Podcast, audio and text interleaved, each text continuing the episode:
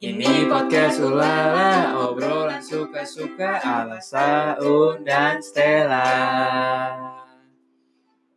Halo teman-teman semua. Halo teman-teman semua, kembali balik sama lagi. kita. Gue Syam. Gua Stella dan kita di podcast Ulala. Oke Stella. Jadi kita udah selesai nih pilot episode kita. Kita mau Mm-mm. ke topik pertama yang kita ingin bicarain. Topik apakah itu? Sekolah di luar negeri. Sekolah di luar negeri. Dan suka dukanya. Iya betul. Kenapa sih kita bahas itu?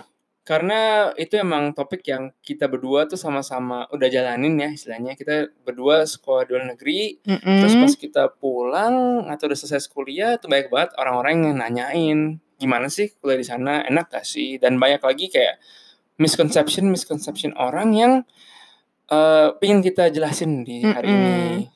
Iya sebetulnya memang tanpa bermaksud apa pun memang kita pengen aja share pengalaman kita sebagai dua orang yang udah pernah menjalaninya ya gitu ya. Mm-mm. Maksudnya Ya, kayak kadang kan penasaran Iya. sekolah ke luar negeri tuh gimana sih enak gak Hmm. sih Eh, apa kayaknya sering jalan-jalan hmm, terus apalah segala macam lah ada ada pertanyaan-pertanyaan nah di podcast kali ini kita di episode kali ini kita mau bahas tentang itu iya. gitu Dari kacamata kita. dari kacamata kita maksudnya biar teman-teman yang eh, mungkin mau sekolah ke luar negeri tahu kayak apa yang harus dipersiapkan Hmm. atau misalnya nanti di sana itu kurang lebih akan Iya. menghadapi apa sih gitu Jadi loh. ekspektasi kalian udah ke ke set gitu. Mm-mm, Jadi eh, ya semoga membantu sih gitu dan mungkin ya untuk yang pernah sekolah ke luar negeri ya ya banding-bandingin aja maksudnya Iya. Pernah gak sih kalian kayak gitu gitu kalau kita sih ya pengen cerita aja Iya, ya mungkin bisa kita. reminis buat kalian yang sekolah di luar, di luar negeri. Mm-mm. Em, mungkin kita cerita dulu iya, kali ya awalnya kena gimana ya kita ya. Jadi kita ketemu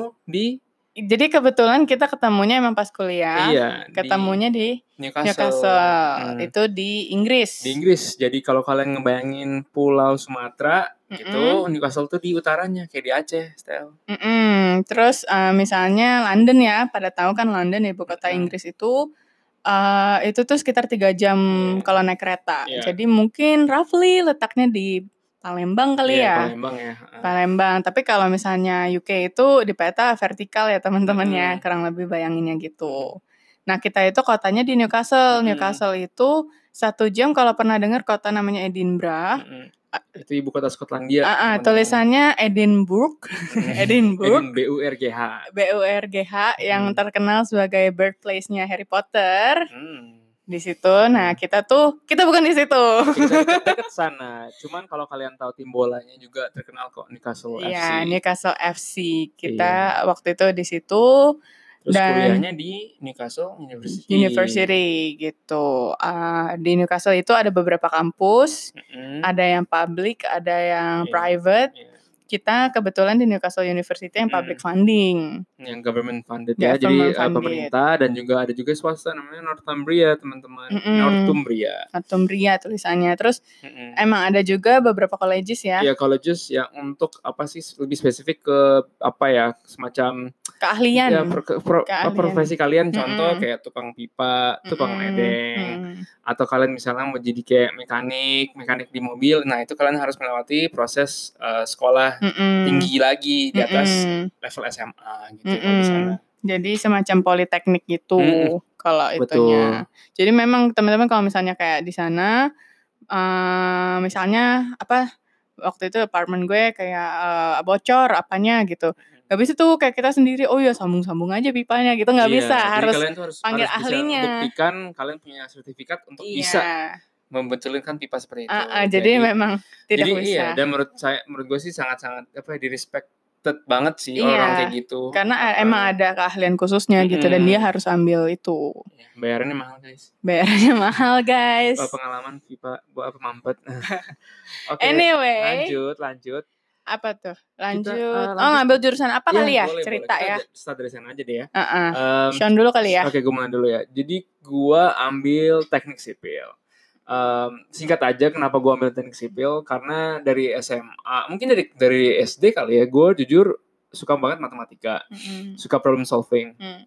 dan semakin gue ke SMP SMA fisika juga menarik buat gue karena gue bisa melihat aplikasinya di dunia ini gitu misalnya Mm, cannot relate for me. dan Jadi kan biasa kalau udah kepikiran dua itu pasti kalian mikir langsung oh teknik ya teknik. Oke, gue udah lihat oh teknik nih, gue kayak anak teknik deh. Terus gue ngeliat beberapa macam teknik. Ada teknik elektro, teknik mesin, uh, teknik perkapalan, teknik industri. Tapi yang gue paling suka teknik sipil karena gue bisa melihat sesuatu yang gue gue suka membangun sesuatu yang bisa gue bayangin. Jadi kalau kalian lihat jembatan, kalian bangunan itu kan bikin teknik sipil. Cuman kalau kalian teknik elektro misalnya atau teknik itu kalian kan cuma bikin kayak semacam HP atau semacam resistor dalam HP. Jadi yang kecil banget. Dan gue nggak gue nggak terlalu apa enjoy menurut gue. Gue suka banget lihat sesuatu yang uh, besar dan nyata gitu, konkret gitu. Jadi itu gue. Kalau lu kena gimana sih? Kenapa lu ambil jurusan lu? Jurusan gue. Jadi beda banget sama Sean Sean itu anak IPA sekali. Kalau dari cerita dia tadi, gue itu justru sosial banget. Mm. Gue ambilnya media and communication. Uh, nama degree-nya apa ya? Media communication and culture. Mm. Gitu. Jadi emang itu kayak campuran jurnalistik juga, campuran PR juga. Pokoknya semua basic communication di situ deh. Itu ada tuh. Kalau di Indonesia ilmu komunikasi ya? Ilkom. Di Indo tuh Ilkom. Gitu. Jadi emang campuran gitu semua sih. Gitu. Nah, terus kita kebetulan kuliah di sana S1 S2 ya. Iya. S1 yeah. S2 uh, gua waktu S2 gue ngerasa oh kayaknya bidang gue itu selain ilkom doang I kinda like a bit of analytics juga gitu dan kayak strategical thinking. Jadi waktu itu gue ambil jurusan international marketing gitu. Kalau lo lanjut S2-nya waktu itu? Uh, gue sih emang karena um, kalau anak-anak sipil mungkin lebih tahu ya daripada general public cuman kita tuh uh, di sipil kan sangat-sangat luas sekali ya teknik sipil mm -hmm. jadi misalnya ada air ada tanah ada jembat ada struktur ada apa sih namanya ya lain-lain lah banyak kan. Mm -hmm. dan gue lebih suka tuh struktur. Struktur tuh kalau kalian ngebayangin bangunan kalian ngeliat kan beton-betonnya. Jadi kayak um, semacam kerangka dari bangunan itu. Dan gue tuh yang yang gue yang merancang struktur itu. Jadi arsitek tuh misalnya kasih ini gambar ya gue cuman isi-isi doang. Nah itu gue gue suka apa ya um, membuat sesuatu yang bisa bangun membuat bangunan itu berdiri atau jembatan itu berdiri gitu. Hmm. itu struktur struktur. Dan gue akhirnya S2 lanjut ke sana deh gitu hmm, jadi again beda banget beda banget Sean ya engineer dan gue itu ya jadinya marketer sih ya kita uh, Enggak sih. Ujung-ujungnya. Lebih komplit deh. Komplit. Marketer dengan ilmu sosial. Asik. Ya pokoknya gitulah intinya okay, um, ya. Jadi satu sosial satu IPA banget nih gitu. Jadi kalau mungkin kita boleh mulai lagi dari -hmm. Gimana sih dari SMA bisa langsung ke kuliah. Kuliah, benar-benar. Nah. Dan kuliahnya kuliah di luar negeri. Mungkin kita bisa cerita ini kali ya. Kenapa kita milih kampus ini, kenapa kita milih hmm. ke Inggris, kampus ini hmm. dan proses ya, caranya untuk aplikasi. Bisa apa aja sih? Uh -uh. Gue dulu, lo dulu. Hmm, mungkin saya dulu, dulu, saya dulu, lo dulu deh. Okay. Um, kalau kenapa di Inggris, uh, sebenarnya gue tuh dari dulu kan emang pengen sekolah di luar negeri um, dan dan gue pingin yang berbahasa Inggris juga. Terus, uh, tapi nggak tahu kenapa ya, gue kan pas kecil pernah sekali ke Inggris waktu itu dan pernah juga ke Singapura dan Australia pas gue udah lebih gede. Terus uh, dari yang gue inget, gue nggak tahu gue tertarik banget sama Inggris saat gue ke sana.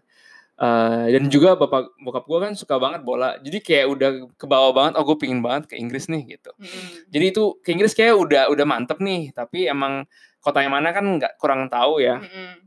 Uh, kebetulan waktu itu gue ke Education Fair uh, di dibuat oleh agent gitu di hotel. Mm-hmm. Gue datang terus gue kayak bingung kok yang datang malah agen-agennya mewakili universitas itu, ini universitas di Inggris. Jadi gue kayak sangat-sangat nggak tertarik gitu. Tapi ada satu stand yang bawa bawa langsung perwakilan dari mereka dari Inggris. Dan gue bisa bang, dia dia bisa menjawab semua pertanyaan gue kayak e, hidup di sana gimana sih?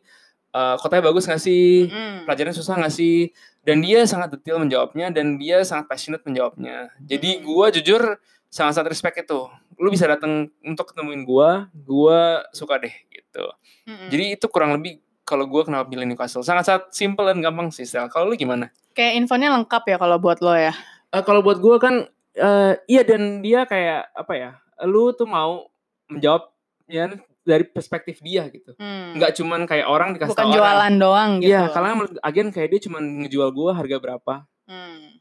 Oh, kok banyak orang Indonesianya. Hmm, gua nggak cari jawaban itu. Gue carinya kayak lu kenapa kenapa gua harus masuk sekolah lu deh Mm-mm. jual ke gua karena semuanya harganya sama menurut gua.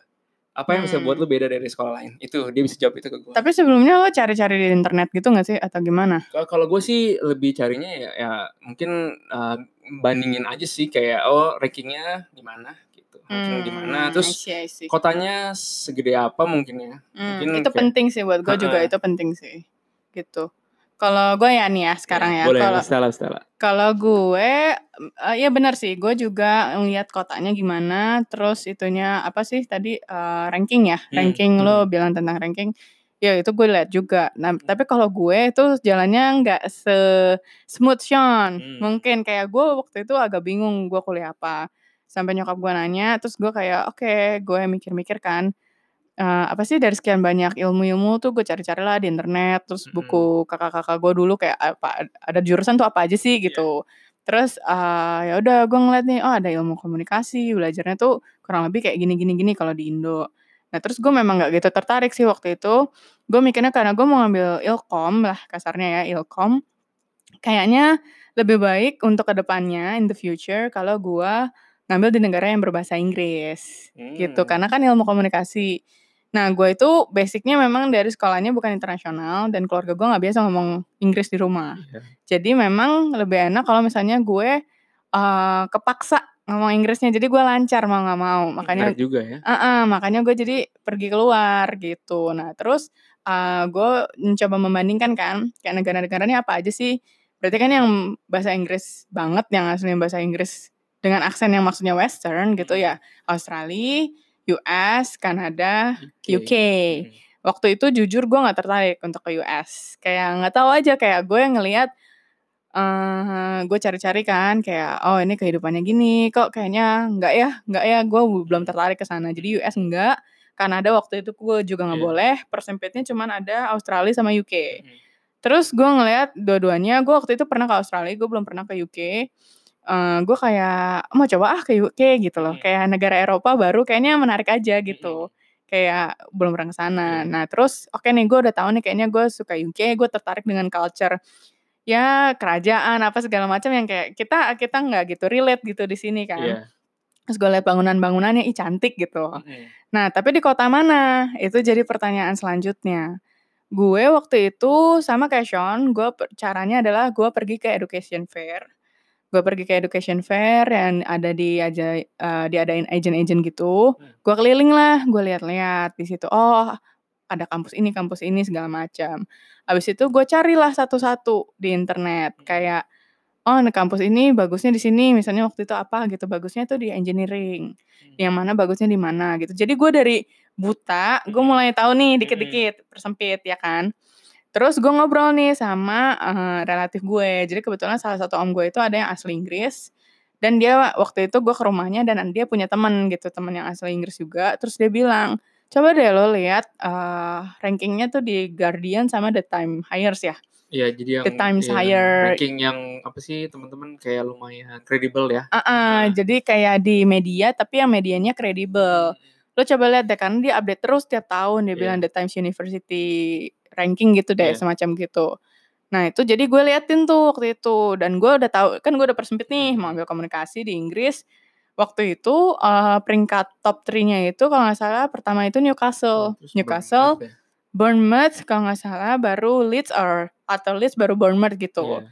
Nah, jadilah gue gue lihat tuh modul-modulnya di Newcastle apa, modulnya di Bournemouth apa, Hmm. di itu apa dan gue tanya juga ke om gue yang pernah yang emang orang Yang orang sana, Inggris ya. orang sana yang tinggalnya sih nggak di sana ya. Waktu itu dia tinggalnya masih di di, di Indo, Di, di, ya, di Bogor. di Bogor Jauh ya. juga ya dari Inggris ke Bogor. Jauh. Waktu itu ya sekarang udah balik lagi dia. Cuman ya kayak gitu. Uh, anyway, gue tanya terus dia bilang, uh, lo mesti lihat juga sih selain lo udah tahu lo suka modulnya nih, lo mesti lihat juga kotanya tuh kayak apa sih gitu. Nggak bisa lo sepihak gitu nentuin kayak oh ini bagus gitu. Hmm. Kalau kotanya lo nggak nyaman sama aja kuliahnya gitu dia Hmm. bilang. Oh oke, dia gue bilang oke that makes sense gitu ya udah.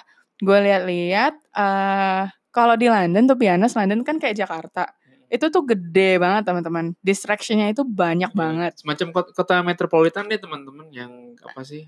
Eh, eh, yang mungkin belum pernah ke London nggak ada bayangan itu ya really crowded. Ya sama Iya. kayak Jakarta di metropolitan dan eh, di sana itu to be honest living cost-nya mahal banget. Gitu. Jadi biaya sekolah juga to be honest sih mahal banget di Mm-mm. sana. Gue nggak pilih sih London karena terlalu mahal.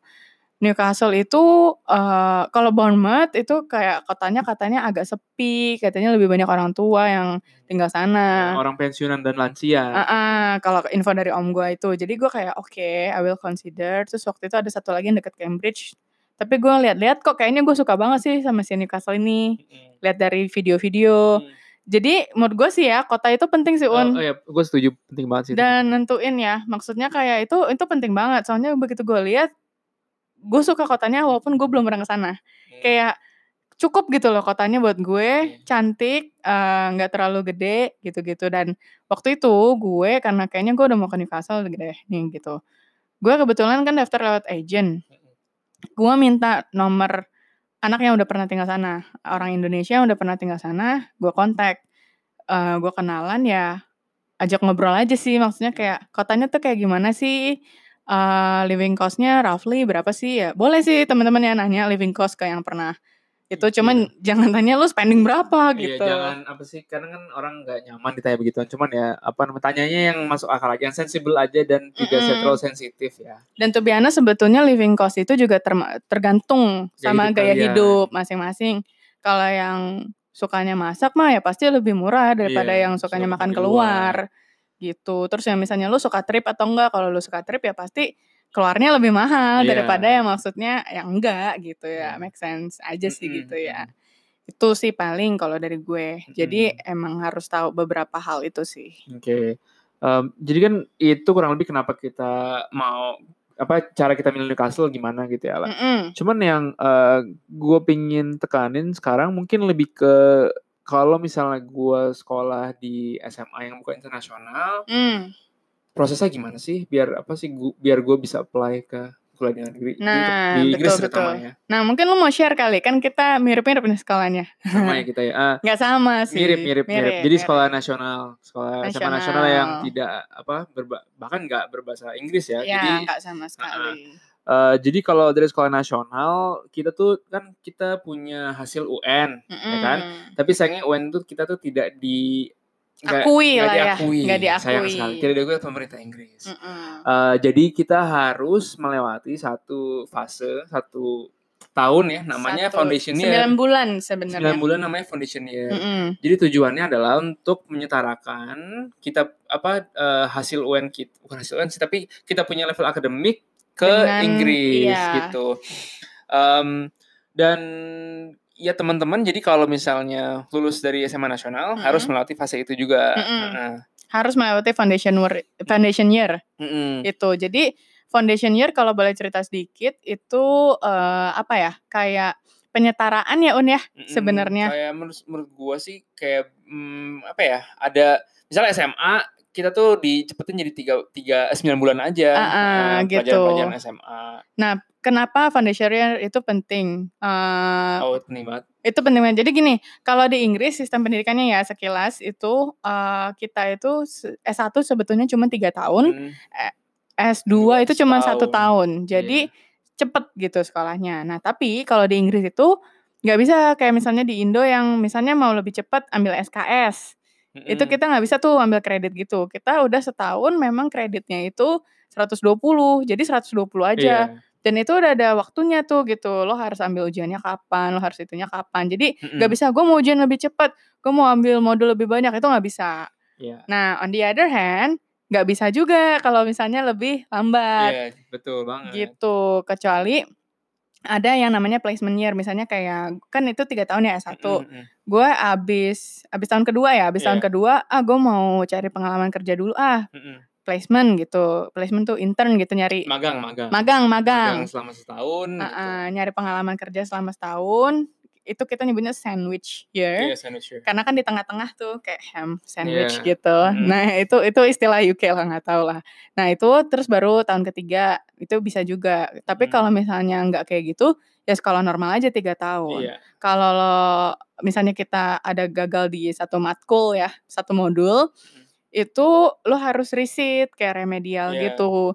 Tapi masalahnya nggak bisa banyak-banyak, cuman sekali doang. Kalau misalnya sekali itu lo gagal, ya udah nilai lo merah Mhm. gitu. Nah, eee, tergantung jurusan sih sebenarnya. Kayak lo bisa merah berapa sampai lo lulus kayak gitu-gitu tuh tergantung Mhm. jurusan. Kalau misalnya ada mata kuliah utama yang lo nggak lulus, kalau nggak salah itu cuman boleh satu. Iya, betul, Da betul dan banget. cuman boleh satu yang bukan mata kuliah utama. Mhm. Kalau misalnya lebih dari itu, bisa nggak lulus. Mhm, oke jadi Bisa ya lulus. jadi intinya teman-teman, mmm, kalau kuliah di UK ya kalian harus udah segitu 3 tahun jadi nggak nggak nggak bisa ulang-ulang lagi ya. Iya, nggak bisa ulang-ulang lagi. kecuali kalian mau ganti jurusan sih. Cuman Heeh. ya ya bakal bayar ulangnya lam mahal Bakal juga guys. ulang. Jadi ya jangan jangan aja deh jangan laku sih, Jangan jangan sampai kalau gagal. mau kalian harus mikirnya lebih apa sih namanya lebih keras lagi kenapa kalau mau pindah Heeh. kenapa gitu. Heeh, karena sayang, maksudnya tuh Mhm. sayang gitu. Sebenarnya bisa selesainya cepet Iya. juga. Terus Oke. kalau oh sorry kalau misalnya nggak lulus, Mhm. eee, itu bisa dapat degree-nya itu di bawah satunya. Misalnya nih, kalau Sean atau gue kita dapatnya bachelor, ya kan Bachelor Iya, of betul. Arts, Bachelor of Science gitu. Kalau misalnya lo udah 3 tahun sekolah tapi, eee, nggak lulus, itu Iya. dapatnya Diploma. diploma. Ya kalau menurut gue kayak di Indo D3 sih. Jadi istilahnya Iya. kalian udah melewati semuanya cuman nggak nggak berhasil apa sih namanya, eee, lulus gitu. Jadi Heeh. namanya ya diploma Tapi, gitu. eee, university university-nya appreciate you for having that, eee, jadi course completed Ya jadi complete kalian udah 3 tahun di ini. sana, ya udah deh dikasih sertifikat untuk menunjukkan bahwa kalian tuh pernah di sana 3 tahun beneran loh. Kalian nggak bohong walaupun kalian nggak lulus gitu. Iya, gitu, bener. Mhm. Nah, cuman mungkin kalau D3 di sini ya ada spesifikasi sendiri ya, kita nggak tahu juga Iya, sih iya. gitu. Jadi, ya pokoknya semacam gitulah Ya di Inggris. oke. Heeh. Eee, terus kan kita lihat foundation-nya lah. Oke, kita udah tahu nih foundation-nya ya untuk masuk ke Mhm. universitas. Mhm. Terus kalau bahasa Inggrisnya gimana dong? Kan, eee, mungkin bahasa Inggris teman-teman dan gue juga dulu pas awal-awal juga rada amburadul. Gimana caranya mereka biar tahu bahasa Inggris kita tuh cukup loh untuk masuk universitas? Mhm, jadi ya kalau di iya IELTS. Mhm. IELTS. Jadi maksudnya kalau di di Inggris sama Australia ya, waktu Mhm. itu pakainya tuh IELTS gitu. Nah, kalau cuman buat masuk foundation sebetulnya lebih rendah ini barrier-nya. Mhm. Waktu itu cuman 5,5. Tapi Mmm, kalau misalnya itu lo dari 9 ya guys, itu dari. 9. Tapi kalau misalnya S1 aku lupa deh langsung harus berapa. Tapi kalau S2 setahu gue lo harus 6,5. Iya, lumayan tinggi sih teman-teman. Heeh, 6,5 itu in total. Iya. Dan kalau nggak salah, jadi kan IELTS itu ada 4 komponen, reading, writing, speaking, listening. Eee, kalau nggak salah semuanya itu nggak boleh ada yang di bawah 6 ya kalau buat master. Jadi Mhm. harus 6 6 6, sisanya misalnya ada 7 gitu. Iya, Jadi rata-rata lo 6,5. setengah Iya. 6,5 gitu. Nah, tips and trick deh biar lulus IELTS, lo gimana? Eee, kalau gua sih dulu, eee, sempet les ya, sempet les IELTS karena, mmm, menurut gua walaupun lu jago bahasa Inggris, tapi lu perlu tahu cara untuk bisa menghadapi ujiannya itu, gitu. Karena kan spesifik banget kan IELTS tesnya seperti apa dan, Mhm. eee, metode jawabnya sama. Jadi kayak lu harus latihan, menurut gua paling penting latihan sih. Dan jangan meremehkan deh, walaupun kalian berasa kayak, "Gila, my English is very good at school, gua dapet 100," nggak selalu bisa begitu kalau di IELTS. Mhm, karena kalau di IELTS itu emang be honest lebih spesifik. Kayak misalnya lo ngomong nih, kita berasa lancar-lancar aja kan Iya. ngomong kan. Tapi kalau di IELTS itu ya namanya tes ya, namanya Iya. ujian. Kalau pronunciation-nya salah Mhm. atau misalnya tenses-nya salah, ya salah Iya. gitu, nilainya dikurangin. sama kalau yang menurut gue yang lebih agak unik tuh di speaking sama writing. Karena mereka tuh walaupun oke lu Inggris lu bagus, tapi dia pengen tahu cara lu buat argumen seperti apa sih, gitu. Mhm. Jadi kan kayak biar dia ngerti cara lu bahkan cara lu berpikir dalam bahasa Inggris itu masuk akal buat dia gitu. Nah, itu menurut gua itu di sana cukup susah juga ya. Mhm, karena ya memang bukan masalah ngomong doang, tapi orang ngerti nggak sih maksud lo apa? Itu kan yang paling penting di situ gitu. Nah, kalau dari gue sih, eee, intinya kalau tes IELTS selain preparation, tapi jangan dibawa stres juga. Karena ya apa maksudnya gimana sih ujian gitu kan. Terus kalau gue waktu itu triknya eh jadi waktu itu cerita singkat aja, Mhm. pas gua tes itu lagi banjir di Jakarta. Lagi banjir jadi Wow. panas banget tempatnya. Jadi gue udah deg-degan nggak pede gitu. Ke kepanasan kan pas tes kayak udahlah gitu. Jadi pas writing itu sama listening gue nggak konsen banget men. kayak ketek gue basah kali. Kayak, Eh, cukup tahu aja sih nggak nggak terlalu nggak perlu terlalu detail kali ya. Oke, tapi teman-teman. tapi intinya waktu itu panas banget gila. Gue udah kayak, aduh bisa nggak nih ya? Ya udah. Terus gue mikir gini, itu komponen tuh ada empat gitu. Dan gue waktu itu buat foundation gue cuma butuh lima setengah. Jadi yang penting gue lulus aja deh dulu deh terserah berapapun. Gue kejar di speaking yang terakhir karena itu gue juga paling pede. Gue ajak ngomong aja tuh interviewernya kayak Iya. oh segala macem ngobrol segala macem. Nah un- untung-untungnya pokoknya gue ditutup deh sama yang si gue lupa hasil IELTS gue berapa tapi mepet nggak nggak terlalu tinggi cuman kayak untung-untungnya itu ya ketutup gitu jadi triknya gitu aja kalau lo nggak pede di satu hal lo tutupin di satu lagi yang lo tahu lo bisa lebih bagus Jadi gitu jangan stres, jangan takut. Yang penting pede. Itu yang kita pingin kasih tahu ke kalian. Terus eh, Mm-mm. sama menurut gue next Mm-mm, next nextnya Topik yang menurut gue penting juga nih. Barang-barang dibawa apa sih awal-awal? Karena jujur pas gue awal ke sana, gue bawa barang yang sangat-sangat tidak penting. Hmm. Contohnya apa teman-teman? Panci.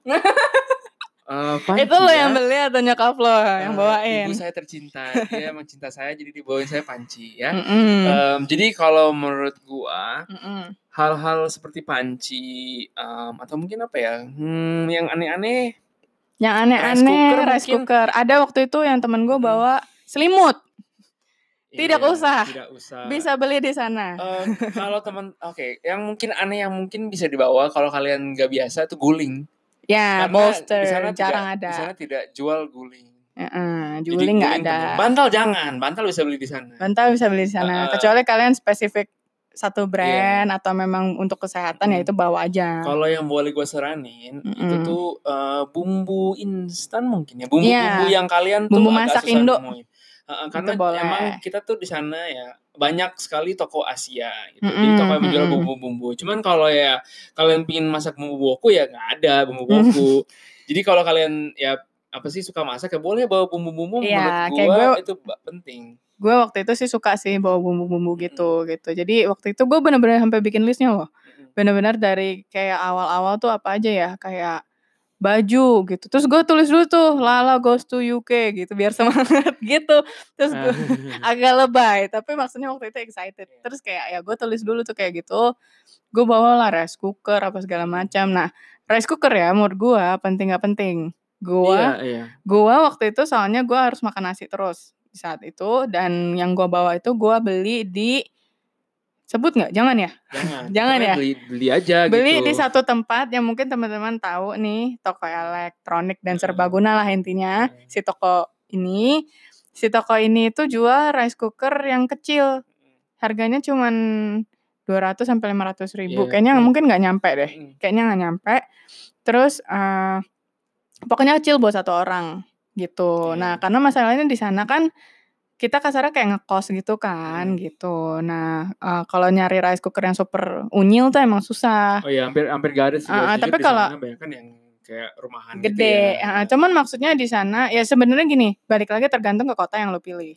Kalau di Inggris rata-rata kalau kota-kota besar sih lo nggak usah terlalu takut karena Asian community-nya juga gede Iya. dan di Inggris itu lumayan diverse orang-orangnya. Apalagi yang student city yang kayak Newcastle, Iya, banyak banget Edinburgh. eh, dari Asia atau apa international students international students itu banyak gitu jadi nggak usah terlalu takut Hmm. tapi kalau misalnya mungkin di kota-kota kecil ya kita nggak tahu juga Iya. ya mungkin lebih sedikit Lebih sulit kayak untuk kayak Durham. Durham Durham ya Durham Durham, eh, apa lagi York. York kayak mungkin apa, lebih eh, sedikit iya, banyak deh kota-kota kecil yang nggak terlalu besar ya iya yang maksudnya ya mungkin orang Indonesia lebih sedikit orang Asianya lebih sedikit Hmm, gitu itu nah intinya jangan bawa yang terlalu gede-gede. Baju Iya. juga bawa aja secukupnya secukupnya, dulu untuk hari-hari di sana. Karena Iya. tuh bianas gue nggak tahu ya. Tapi pas kuliah itu gue tuh lumayan juga kan lo berkembang kan di sana. Kayak Hmm. lo discover yourself juga gaya baju tuh akan ganti juga gitu loh. Iya, terus kan musim sana lebih banyak. Jadi kalian pasti kayak, Heeh. eh gue fall mau kayak gini deh. Iya, Summer kayak gue kayak lebih lebih apa, asik, fresh gitu. siap-siap Heeh. kayak party-party enggak Ya, ya, jadi masuk angin. ya jadi ka- menurut gue baju tuh ya secukup- secukupnya aja. Karena di Cukupnya sana aja. tuh eh, emang eh, ada banyak banget toko baju yang enggak apa ya lah, yang di Indonesia juga ada ya, kayak Mm-mm, H&M, mm-mm. Uniqlo, Zara Uniqlo, gitu. Zara, Ada ada lagi yang banget. Lebih murah-murahnya namanya Primark. Primark, Itu teman ya, semua teman umat. semua orang. Itu Iya. bisa beli dari daleman sampai Iya. lap, sampai keset, gue beli semua di Iya. situ. Anyway, Em, jadi ada satu lagi nih yang mungkin teman-teman penasaran, yang menurut gua juga sangat penting. mm-mm, apa tuh? Rumah tinggal. Rumah tinggal, betul, akomodasi. Jadi ada beberapa macam ya, Stel ya. Dan Mm-mm. kebetulan kita berdua punya pengalaman tinggal yang rumah yang berbeda-beda juga variasinya. Mm-mm, mm-mm. Em, jadi kalau kita tahun pertama itu di Intu, kita udah di udah boleh pilih tuh, tapi rata-rata tinggal di apartemen ya. Mm-mm, jadi Ah. Intu itu yang tadi eh, foundationnya itu guys si Intu namanya nama sekolahnya Intu. Hmm. Kita itu waktu itu tinggalnya di akomodasi yang di provide sama sekolah tersebut. Mm-mm. Itu dekat sama kampusnya ya. Cuma dua menit guys. Cuman dua menit kita waktu itu. Nah gue tinggal di wing yang satunya, Sean yang satunya lagi ya. Iya, Sean iya. pokoknya yang lebih jauh, Ah, gue yang lebih Nah, baru. Jadi eh, kalau gue tipenya tuh gue punya eh, kamar tuh di dalam satu ruangan gitu. Jadi ada dua kamar dan kamar mandi dan kitchen ya. Jadi Mm-mm. gue cuma share sama dua sama satu orang lagi, Mm-mm, tapi lebih kecil karena kan Mm-mm. cuman share berdua. mm-mm. Cuman kalau Stella gimana? Jadi kalau Sean kan tadi sharing ya. Ya jadi sharing sama dua orang. Ah, ah, satu hmm, apartemen, satu apartemen gak gitu gede, mandi. sharing dapur sama kamar mandi sama orang tersebut. Iya. Tapi lo kamar Hmm, masing-masing. Iya. Cuman kamarnya kecil ya kalau nggak salah ya. Ah, bener. kalau yang studio itu. Kalau gue itu eh jadi gue kamar mandi di dalam. Hmm. Jadi gue sistemnya lo masuk itu ada satu flat. Satu satu flatnya itu isinya enam kamar sama satu dapur besar banget. Hmm. Kalau lo kan dapurnya kecil-kecil, dapur Iya. gue gede banget.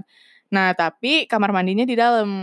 Hmm. Tipe gue itu biasanya katanya lebih cepet habis sih. Jadi waktu itu memang gue dibilangin sama agent gue, kalau lo yakin mau sekolah di sini, mendingan eh, langsung ambil aja yang ini soalnya ini cepet Iya. habis gitu. Jadi ya udah waktu itu gue ambil itu gitu. Mm-mm, Oke, terus ada apa lagi sih Stel? Kalau gue sebenarnya sih abis setelah itu gue tinggal ya mirip-mirip itu sih pas di university. Mm-mm. Kalau lu seinget gue beda ya pas first year.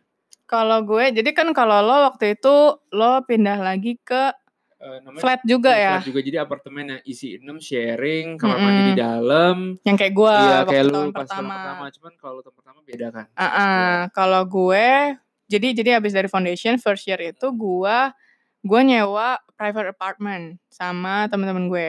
Jadi gue sama dua cewek lainnya kita sewa apartemen ke orang lokal gitu. Kita nyari di internet. Eh apa ya? Ya udah kita lihat aja mau yang tiga kamar gitu. Terus kita lihat lokasinya, kita lihat harganya. Udah gitu kita survei dulu. Jadi jangan takut sih, jangan langsung Hmm, jangan langsung iyain aja iya, atau kayak oh itu. kata kata agent bagus di sini, kata Uh-uh. teman bagus di sini. Eh, kayak karena jangan terus apa ya? Eh, preference orang beda-beda. bener dan maksudnya lo harus lihat sendiri karena lo yang akan tinggal di rumah itu dan masalahnya itu kan kontrak sistemnya biasanya kontraknya langsung setahun Iya. kalau lo nggak suka ya udah duit lo Iya, setahun ah, hilang. guys. Jadi hati-hati aja kalau rumah penting. iya sayang banget dan lo mesti lihat juga agentnya itu kayak apa Hmm. landlordnya itu kayak apa gitu wah panjang deh ceritanya Sean sudah iya. sudah mengalami asam garamnya ya Sean Iya, setelah itu benar.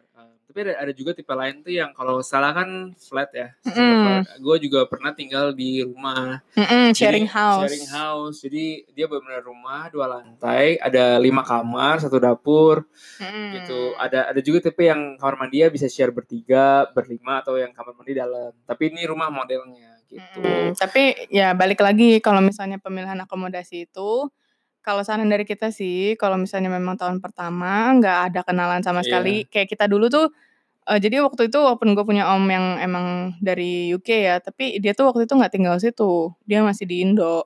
Jadi gue benar-benar sendirian gitu loh. Sean juga pergi kita benar-benar sama Iya nggak kita nggak- semua nggak sendirian. Kenal. kita nggak kenal kita nggak punya relatif belum pernah ke sana kayak nggak tahu juga.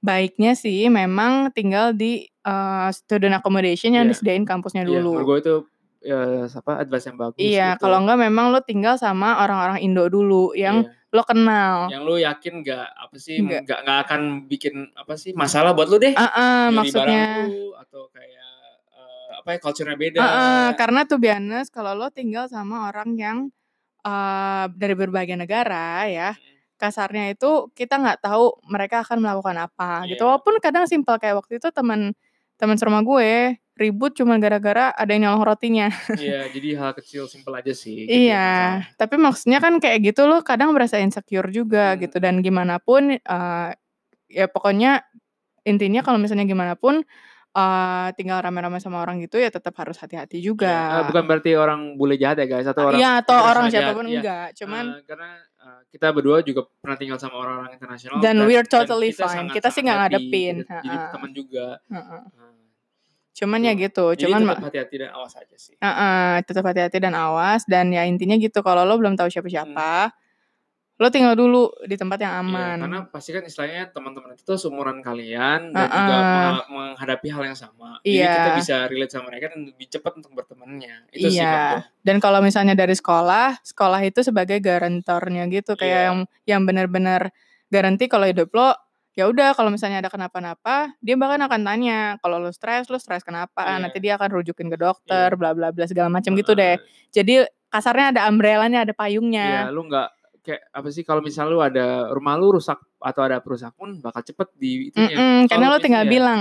Eh, kalau sedangkan gue waktu gue pernah tinggal di rumah yang landlordnya tinggal di London jadi dan gue di kota yang beda wah lama dibenerinnya jadi Mm-mm. setengah mati gue bocor rumahnya bocornya bisa dua hari. Jadi kayak nggak kurang nyaman deh gitu. Agak lebih hati-hati aja gitu kalau di rumah pribadi. Jadi saran kita berdua ya kalau misalnya kalian pingin di di luar negeri ya sekolahnya di student accommodation dari kampus. Ya, sampai lo tahu Iya. kota lo itu kayak gimana, lo udah tahu dinamika kehidupannya, terus lo udah punya kayak gue pas yang gue tahun pertama kuliah itu setelah foundation, gue udah nemu ini orang gue cocok nih untuk Iya. tinggal gitu maksudnya. Dan to be honest, tinggal sama orang ya pasti ada intrik-intriknya, cuman at least yang penting lo itu aman. itu sih. Tinggal sama orang tuh yang penting aman, lo tahu gitu loh kayak maksudnya ya kalau masalah namanya tinggal sama orang kan pasti ada itu cuman yang penting aman itu aja sih. Jadi hati-hati ya. Oke, Gitu. jadi eh, itu dulu guys buat episode kali ini. Kita udah banyak banget ngomongin soal persiapan, Mm-mm. kenapa kita milih kuliah di Inggris, kita ambil apa aja, dan ya tips and tricks ya lah untuk bisa kuliah di Inggris gimana gitu. Iya, maksudnya ya mungkin di negara lain beda ya, tapi Ah. kita share yang di Inggris dulu Iya, karena kita perginya ke situ. Konsepnya sama deh gitu, karena kan pindah ke negeri Negara baru. orang. Iya. Mm-mm. Oke, jadi kalau buat next kita bakal ngomongin apa nih lah? Buat nextnya masih tentang sekolah di luar negeri, Hmm. tapi kita mau ngomong lebih dalam nih Eh, tentang lebih- suka iya. dukanya.